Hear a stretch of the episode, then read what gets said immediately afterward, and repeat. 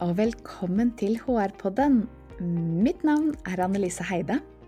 Jeg jobber til daglig med lederutvikling, og jeg leder et stort HR-nettverk der vi skaper arenaer for inspirasjon og erfaringsdeling innenfor HR-faget. Jeg jobber mye med ledelse i min hverdag, men på fritiden, da er det HR som gjelder. Jeg er rett og slett litt HR-nerd. Og dette her er en helt ny podkast for deg som liker HR.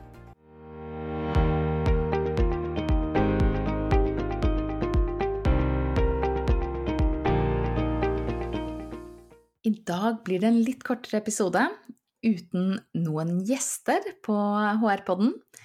Og jeg skal bare gi deg noen tips til din offboarding-rutine.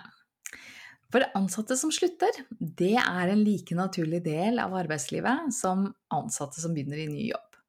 Og der virksomheter er supergode på onboarding og har helt klare, gode rutiner på hvordan vi skal ta imot nye medarbeidere, så skorter det ofte litt på disse offboarding-rutinene. Det vil si at vi har kanskje det praktiske på plass, men det er litt flere ting å tenke på. Så her kommer en kort episode om ting det er lurt å ta med seg når du skal jobbe med offboarding, altså når noen sier opp i din virksomhet. Og dette med offboarding, eh, altså ikke bare er det sånn at manglende offboarding-rutiner medfører en del sånn praktiske komplikasjoner. At vi glemte å si opp disse tilgangene, stenge av disse lisensene, få tilbake arbeidsutstyr osv. Men det er klart at manglende fokus på en god offboarding, det kan også skape virksomhetens employer brand, altså deres attraktivitet som arbeidsgiver. Vi snakker altså om etterlatt inntrykk. Hvordan tidligere ansatte snakker om selskapet til sine venner, til nye kolleger og til andre bekjente. Så selv om du har jobbet i en virksomhet i ti år, så betyr jo også disse her siste tre månedene noe. Hvordan du blir behandlet når du sier opp, når du skal slutte. Og det er en liten verden, altså. Er, Norge er et lite land. Folk snakker sammen. Så vi må aldri undervurdere betydningen av det jeg kaller a beautiful exit. Altså det å behandle folk ordentlig også etter at de har sagt opp.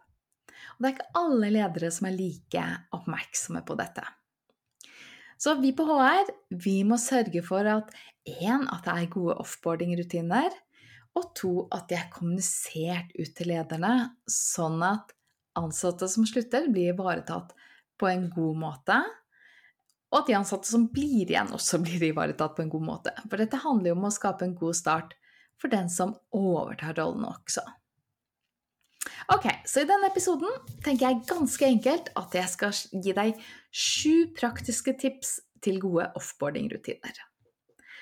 Så jeg skal gi deg sju praktiske tips til offboarding-rutiner som du kan bruke i din virksomhet.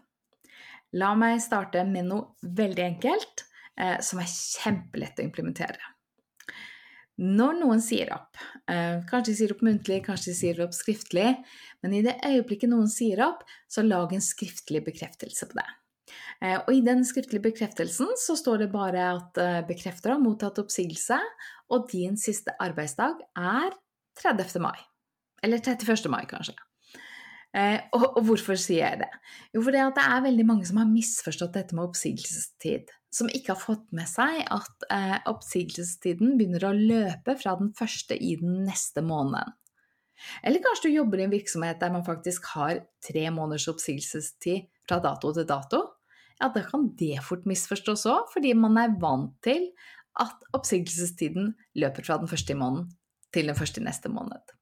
Så uansett hvilke regler dere har, eh, så bekreft oppsigelsesmottatt, siste arbeidsdag er dato det og det. Da unngår du misforståelser. Så det er steg én. Steg to informasjon. Jeg tenker at Når noen sier opp, så er noe av det første dere gjør, det er å ta en kort samtale om når dere skal informere organisasjonen. Kanskje ønsker dere å gå ut og informere med en gang, eller kanskje er det grunner til at man vil vente med å informere kunder eller kolleger eller andre ansatte i virksomheten. Uansett, det handler bare om å avtale hvem er det som skal informere, når skal det informeres, Eh, hvem skal få personlig informasjon, og hvem vil bare få informasjon på, type på intranett. Dere må også ta stilling til hvilke samarbeidspartnere eller kunder som skal informeres, og på hvilken måte de skal informeres. Punkt 3. Avklar hva vedkommende skal jobbe med i oppsigelsestiden. Det er ikke alltid en selvfølge at man skal fortsette med de samme oppgavene som før.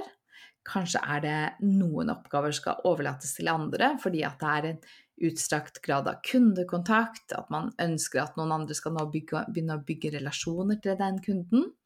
Eller kanskje er det oppgaver eller prosjekter som den ansatte sitter på, som kommer til å løpe langt utover oppsigelsestiden, så det er praktisk å sette inn noen andre på et tidligere tidspunkt.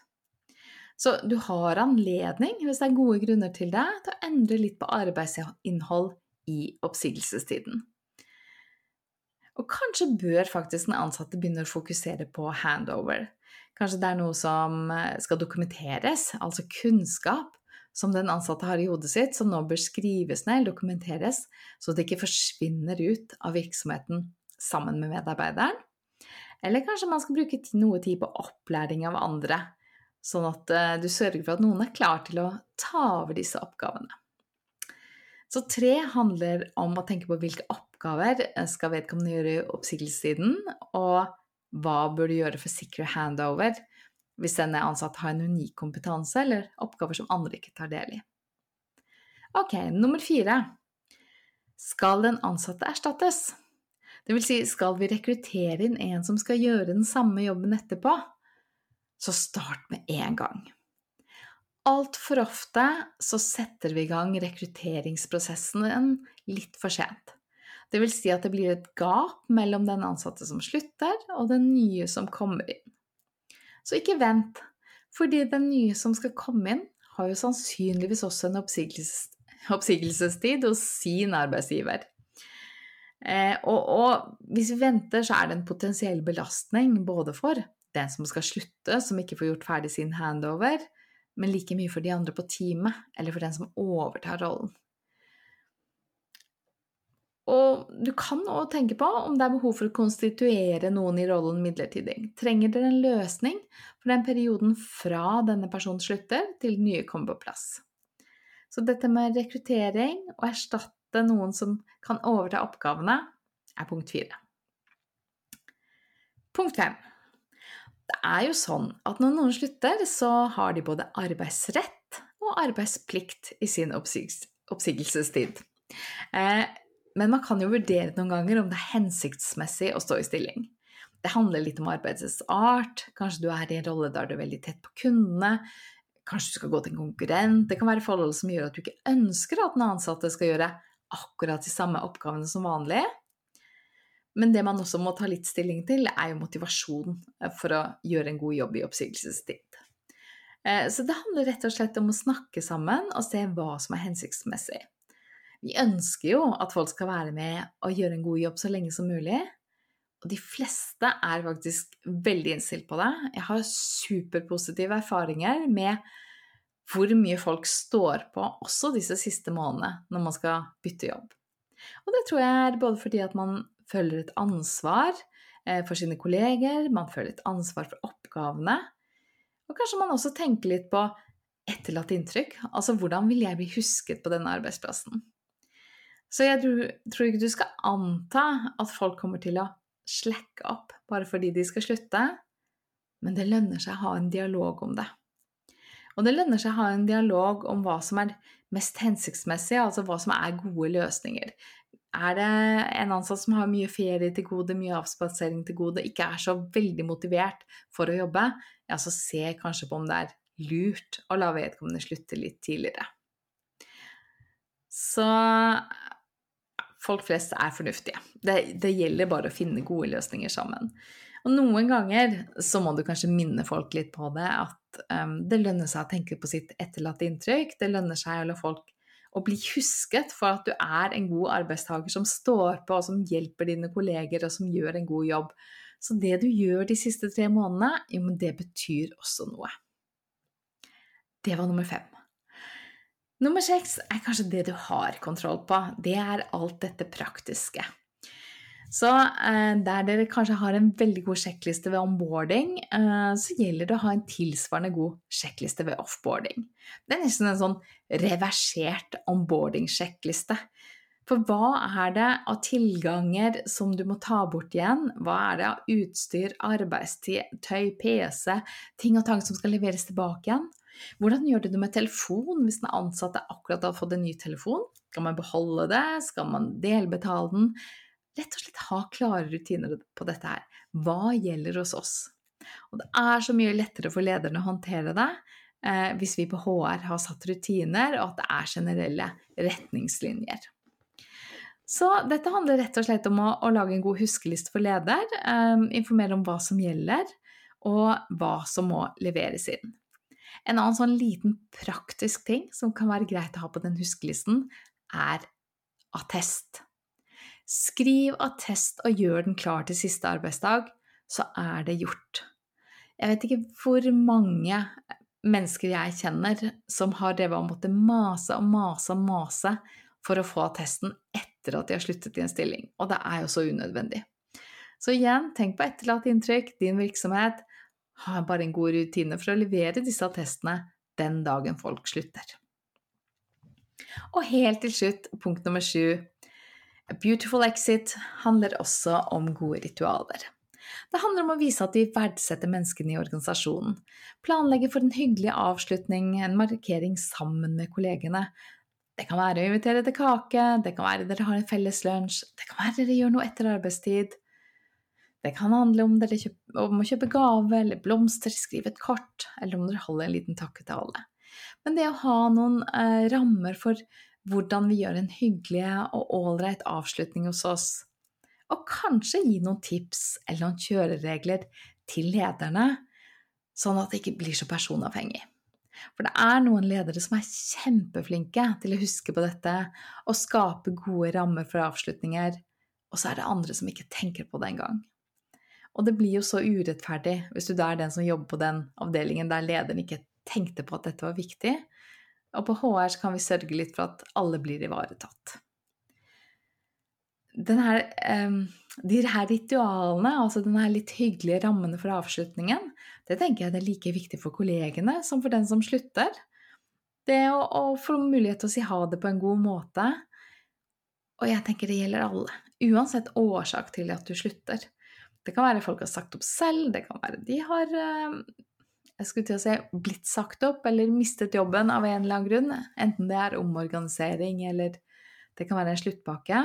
Men uansett årsak, så fremt det ikke er en veldig vanskelig konflikt eller noe på gang, så tenker jeg at vi skal ha en hyggelig og god ramme for avslutningen, forutsatt at den ansatte selv ønsker det, så klart. Lederen bør ha en én-til-én-avslutningssamtale. Det er bare en sånn takk for følget. Det kan være den talen du holder eh, på den her lille kakeavslutningen eh, sammen med de andre, eller det kan være en liten kaffekopp der du bare takker av og takk for godt samarbeid. Eh, og så er det mange som da praktiserer et litt mer formelt exit-intervju, som gjerne er med HR.